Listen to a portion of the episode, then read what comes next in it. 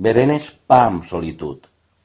Una anarquia de llibres, de pols i papers rebregats t'envolto sense ofegar-te. L'ordre del desordre, ja saps. De cop i volta et pren una ànsia de besar alguna cosa que portes dins i amb l'argila de la memòria i el tor de la fantasia comences a alçar l'àmfora que retindrà el licor agredolç d'allò que anomenes la teua literatura. Com per art d'encanteri, apareix un espill al vell mig de la cambra. La gata, que dorm al teu costat, et desperta i després del ritual avorrit de badallar i estirar-se amb elegància, s'acosta tafanera, l'oleora i li frega el pelatge. Després el travessa com un espectre. T'alces espantat i vas a buscar el felí. Són massa anys compartint soledats com per a perdre un company de viatge. Travesses el cristall líquid i et trobes a l'altra banda amb una geografia que t'és familiar. Un poble, un univers que has bastit reinventant, recreant veritats. Avances pels carrers, la realitat es dibuixa entre les jambordes imaginàries i veus com la gata entra en una casa. La segueixes, travesses el llindar, al vell mig de l'estança hi ha una taula parada. T'hi asseus. La gata et frega els camals dels pantalons. Miola. Algú des de la cuina et pregunta «Ja has tornat?» i no ofereixes cap resposta. Toquen les campanes de l'església. La casa es va omplint de gent que s'asseu al teu voltant i et diu «Benvingut de nou a Pouet».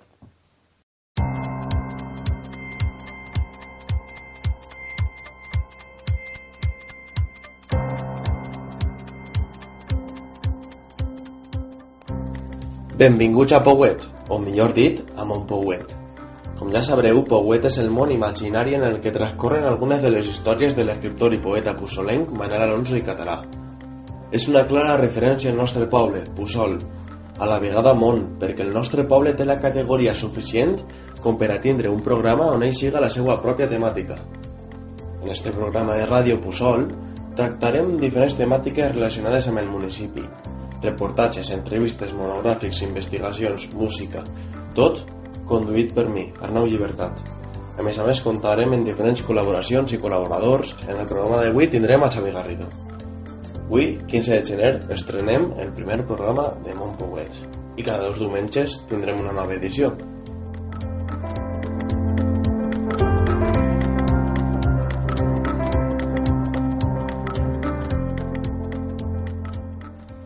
Ràdio Pusol torna a la càrrega. I és que creiem que fan falta mitjans de comunicació locals independents i crítics, ja que, per exemple, esta setmana passada veuríem com la muralla de l'antic jardí botànic quedava il·luminada. I com ens hem enterat? O bé perquè se l'hem trobat, o bé per la premsa exterior al municipi. I no és que la il·luminació siga un fet negatiu, sinó que la falta de transparència i comunicació de l'Ajuntament genera malestar entre veïns i veïnes i produeix molts dubtes. D'ací ixen crítiques com que caldria prioritzar la destinació de partides en unes altres mesures. Però si s'hagueren fet les coses bé, comunicant-lo abans de fer la intervenció, explicant que no hi ha altra opció on triar, ja que els 30.000 euros són una partida de diputació per destinar a una intervenció patrimonial en concret, en este cas la senyalització i il·luminació de l'antiga muralla, pues les coses canviarien. Juntament amb esta falta de transparència, trobem una altra notícia, la peatonalització del casc antic de Puçol. Com a intervenció més gran dels últims anys en Puçol, aquesta informació ha sigut rebuda a través dels periòdics exteriors, cosa que ha fet posicionar-se molts veïns en contra i de nou generar més dubtes i preguntes sense resposta. On ficarem els cotxes? Seran tots els carrers peatonalitzats o sols uns quants? Està clar que el casc antic està en un procés de degradació i que cal fer alguna cosa. La peatonalització és una de les coses que s'estan fent en les ciutats i pobles europeus i, per exemple, part del casc antic de Sagunt està peatonalitzada o restringida permetent sols l'accés dels veïns. A més, genera millor qualitat de vida perquè passem d'un model de ciutat de cotxe al transport públic o bé anar a peu o en vehicles no motoritzats.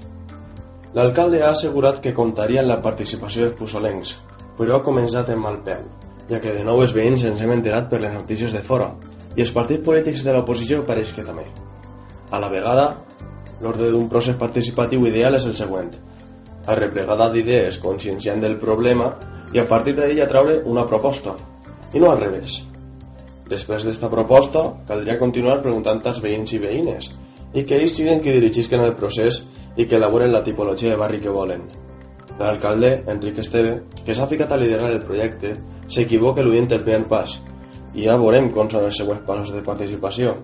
Ara, toca esperar a que facin el pla públic que es diu de reactivació del centre històric Toca fer Pusol. Mentrestant, qui inicia un procés participatiu per saber quin mitjà de comunicació volem els pusolencs i pusolenques és Radio Pusol, que més avant ens explicarà Xavi. Una de les coses que volen fer per dinamitzar la vida social en el casc antic és potenciar la creació de xicotets comerços en els baixos d'este centre històric, que en la seva època la incorporació de Mercadona a la casa social va arruïnar i va fer que desaparegueren. A pesar d'això i la creació de grans superfícies en el poble i la comarca, Pusol compta amb una xarxa de comerços locals i de proximitat a destacar. Destileries Plan és un exemple. I avui portem un reportatge d'esta empresa que en 2015 va fer el seu 125è aniversari.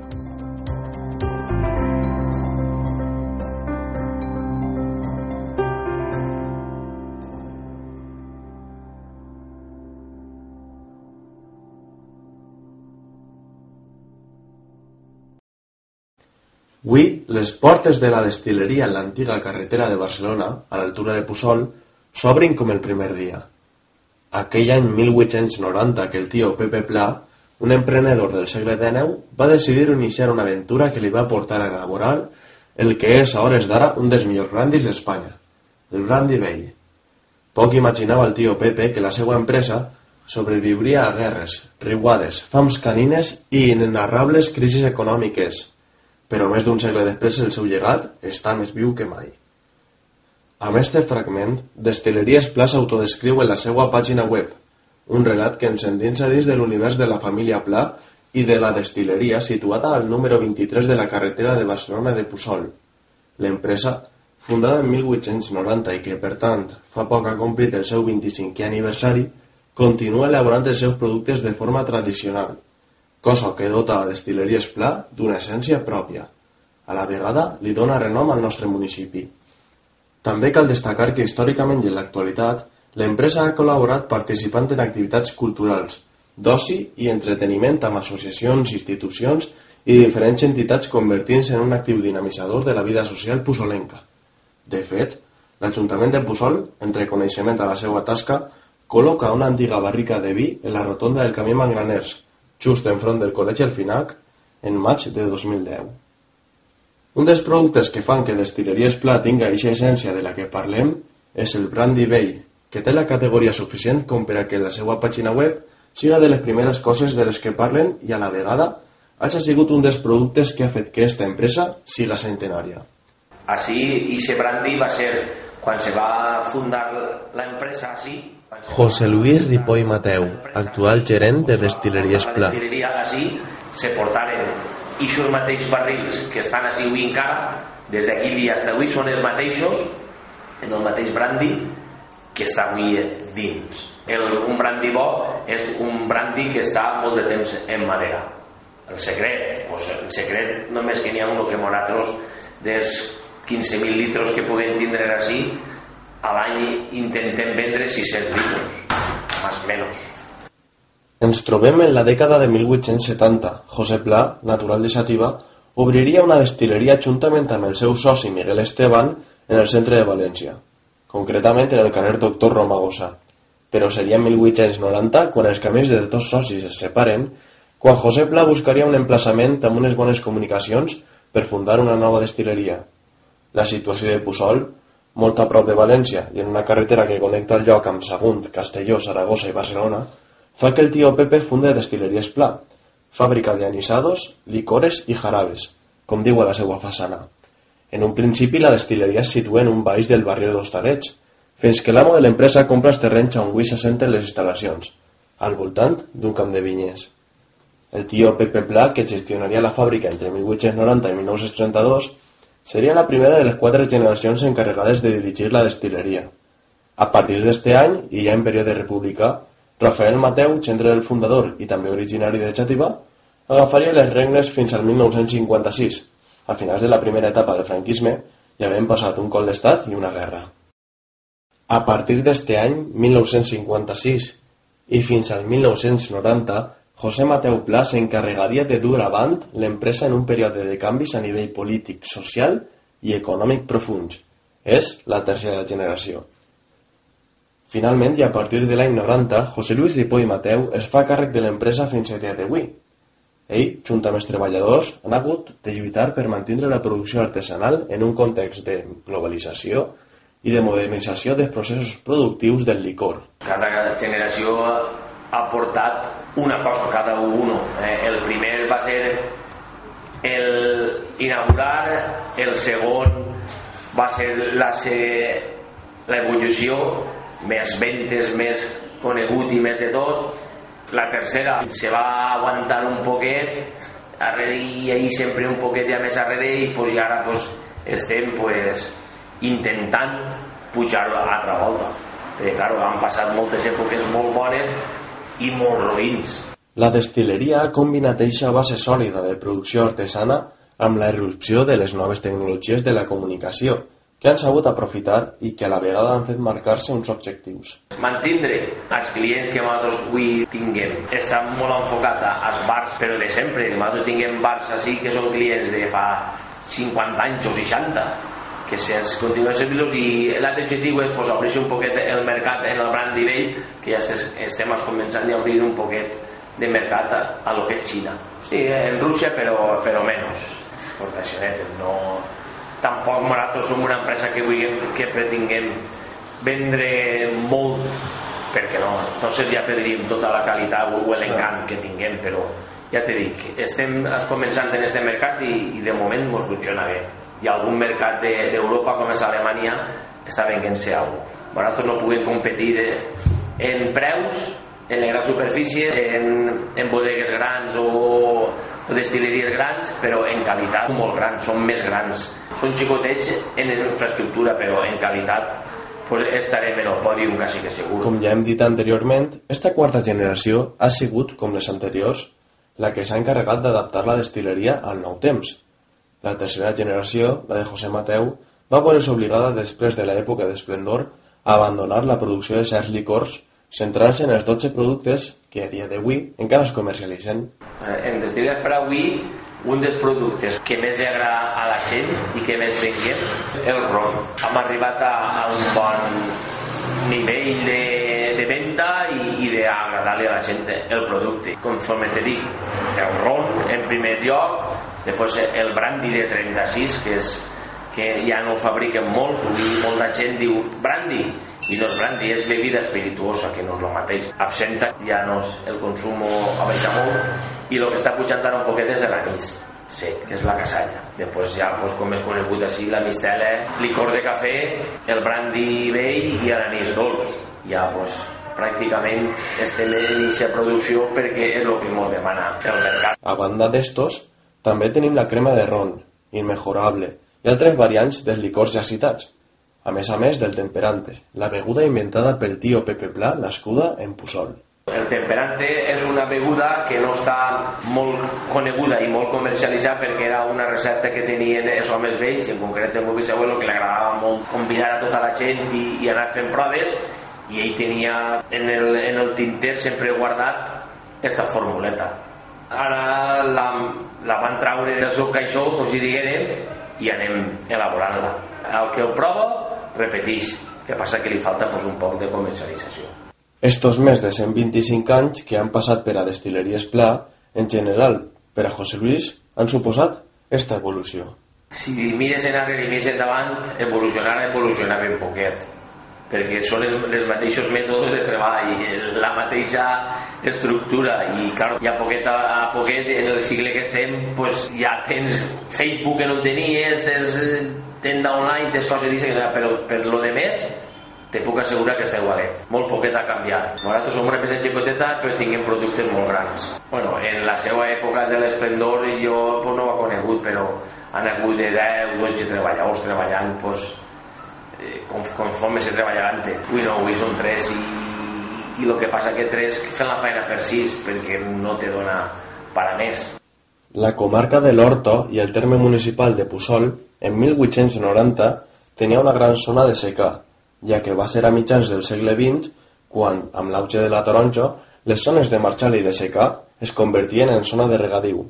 D'esta manera, les primeres generacions de destil·leries Pla s'abastarien principalment del raïm de la varietat moscatell produït molt pròxim a la fàbrica. Com expliquen en la seva pàgina web, www.destilleriespla.com, el mecanisme era molt senzill. S'omplien les premsadores de raïm, es posava una tapa per exercir pressió i així la fruita donava tot el seu suc. D'aquelles primeres premses encara conserven en el seu celler dos botes en les que elaboren el moscatell superior. Com ha dit José Luis Ripoll, també tenen botes de brandy vell de l'època en les que encara guarden este licor.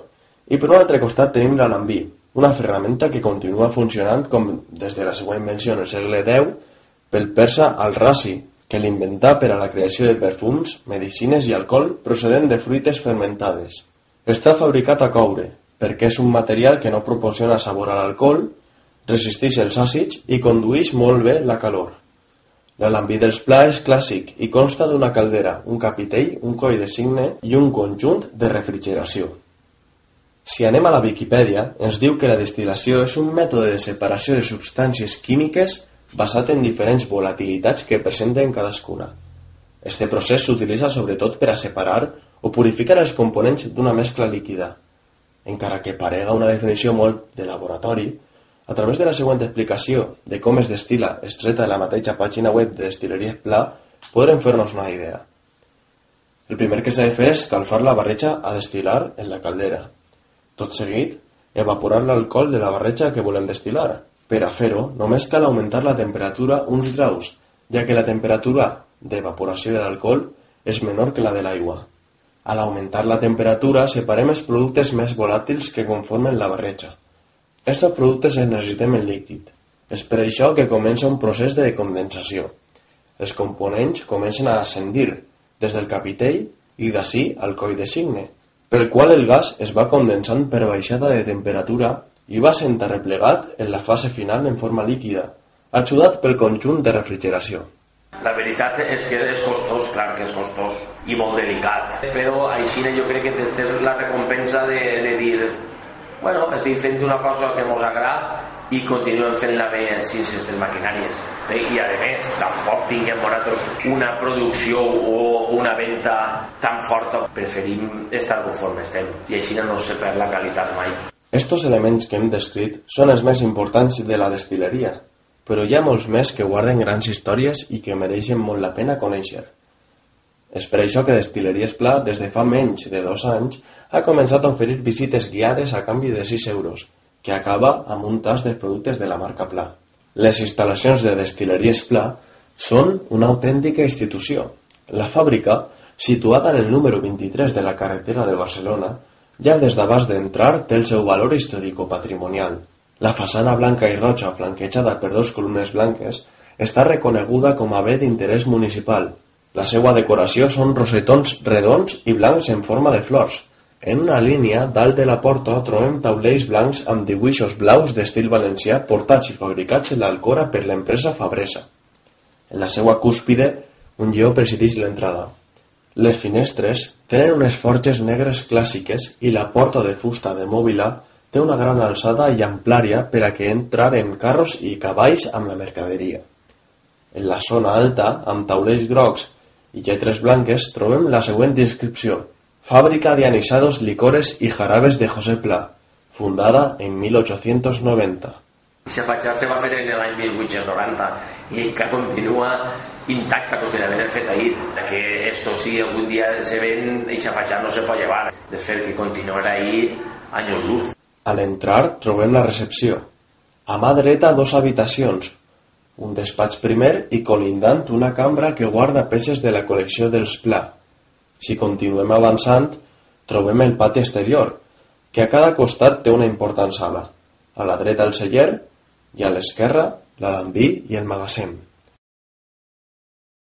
Tot i que el tio Pepe Pla era originari de Xàtiva, el poble de Puçol i els seus habitants tenen una estreta relació que encara avui perdura. Segons conten en la pàgina web, Des del mateix any de la seva fundació, cada 7 de setembre, festers de la Mare de Déu al peu de la Creu visiten les instal·lacions i són rebuts pels senyors del tio Pepe. Entre les 11 i les 12 del migdia, les portes s'obren per a festers, familiars, amics i veïns que vulguin acostar-se al tradicional armosar amb licors de pla i una xicoteta degustació de rebosteria variada feta amb productes destilats en pla.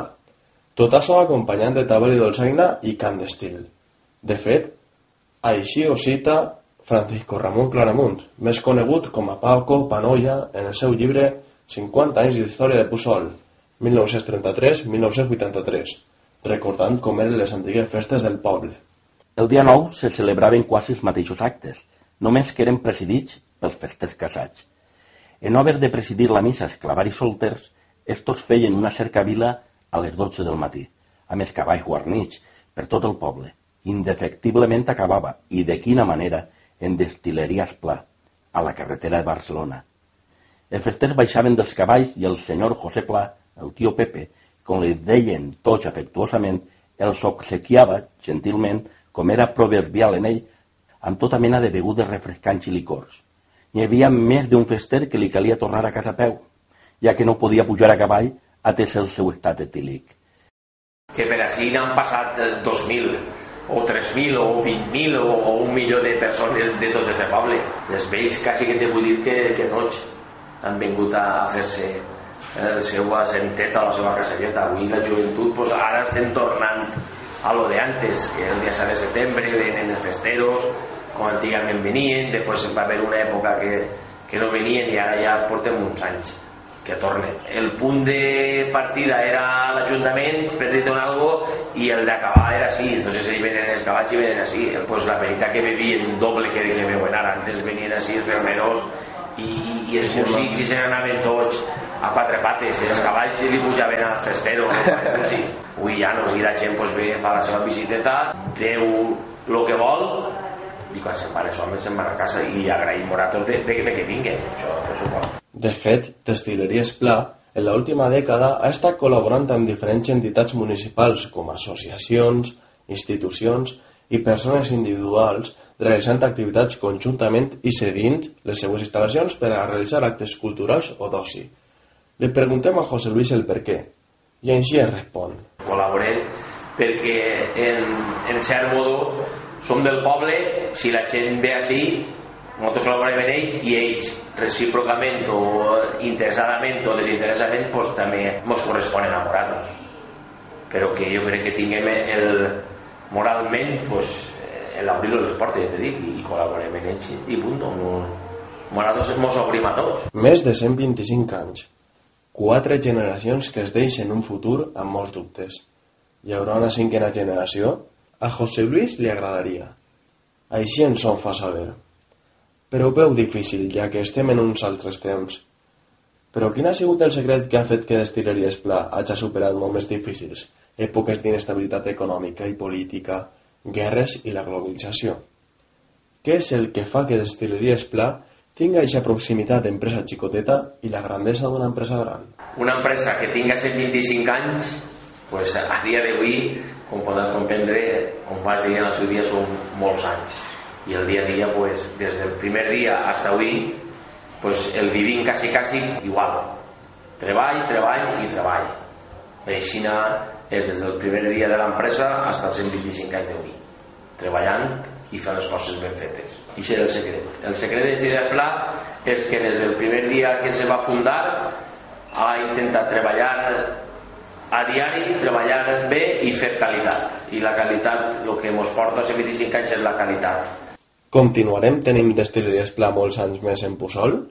Pues de moment continuarem mentre puguem i estem en este, en este nivell, pues continuarem. Si poguera 125 anys jo veureu més, pues 125 anys. Jo te puc dir hasta que hasta que jo pues, puga, pues estarem ahí.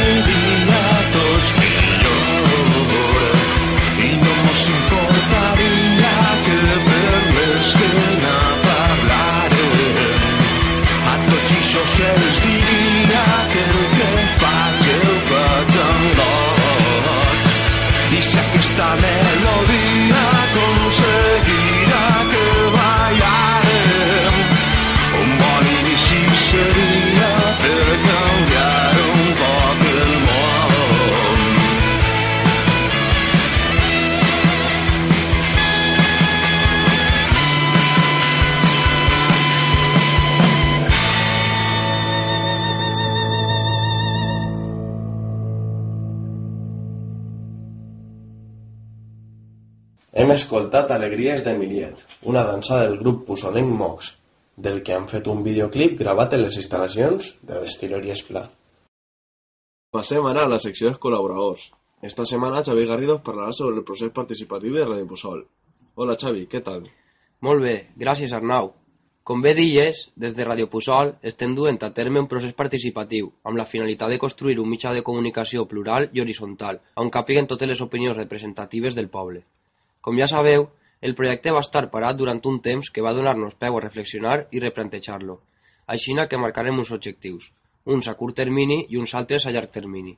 Els de curt termini voldríem aconseguir-los en juny d'enguany, Si tot això funciona correctament, com esperem i rebem una resposta positiva, estudiarem, més que fer programes, passar a fer ràdio 24 hores, aconseguir un dial per a que siga més accessible i puga sentir-se en l'aparell de ràdio, a més d'intentar adherir-se a una xarxa d'emissores locals. I Xavi, quins són aquests objectius? A banda de la finalitat de l'associació, que és aconseguir un poble cohesionat, crític, participatiu i informat que aposte per una oferta cultural local, els nostres objectius a curt termini són consolidar i sumar una plantilla fixa en la ràdio, adquisició de recursos materials com un estudi, micros i de més ferramentes per a poder fer ràdio, enfortir el canal de podcast, que se traduiria en la pàgina web divox.com o a partir d'ara també YouTube, afiançar-se en les xarxes socials com Twitter i Facebook, a més a més, tenim un canal de Telegram on informem de les novetats, que és telegram.me barra radiopucol. I finalment, crear una aplicació mòbil i una pàgina web. Si tot això funciona correctament, com esperem i rebem una resposta positiva, estudiarem, més que fer programes, passar a fer ràdio 24 hores, aconseguir un dial per a que siga més accessible i puga sentir-se en l'aparell de ràdio, a més d'intentar adherir-se a una xarxa d'emissores locals. I tot això com va fer-se? Com t'havia dit abans, la nostra finalitat és crear una ràdio plural i horitzontal. Per aquest motiu, creguem que és important obrir un procés participatiu per a no fer la ràdio nosaltres, sinó entre tots i totes. Per això hem triat el lema Entre tots fem ràdio. Què és un procés participatiu, quan durarà i què se farà? Mira, un procés participatiu és un instrument necessari per afavorir el debat i el contrast de perspectives abans de prendre una decisió d'interès públic.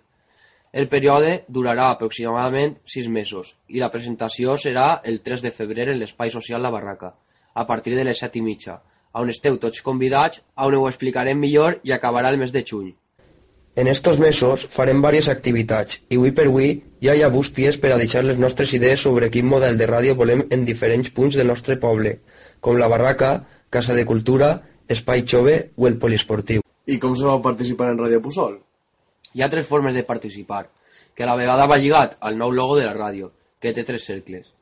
La primera és l'aportació i proposta d'idees. Com ja he dit abans, poden utilitzar-se les caixes o contactar directament amb nosaltres o a través de les xarxes socials. Ens agradaria saber quin model de ràdio ens agradaria per al poble, a quines coses donar-li més importància, a la percepció, què se té, etc. La segona forma seria fer un programa, ja que tots tenim les nostres opinions i les nostres inquietuds.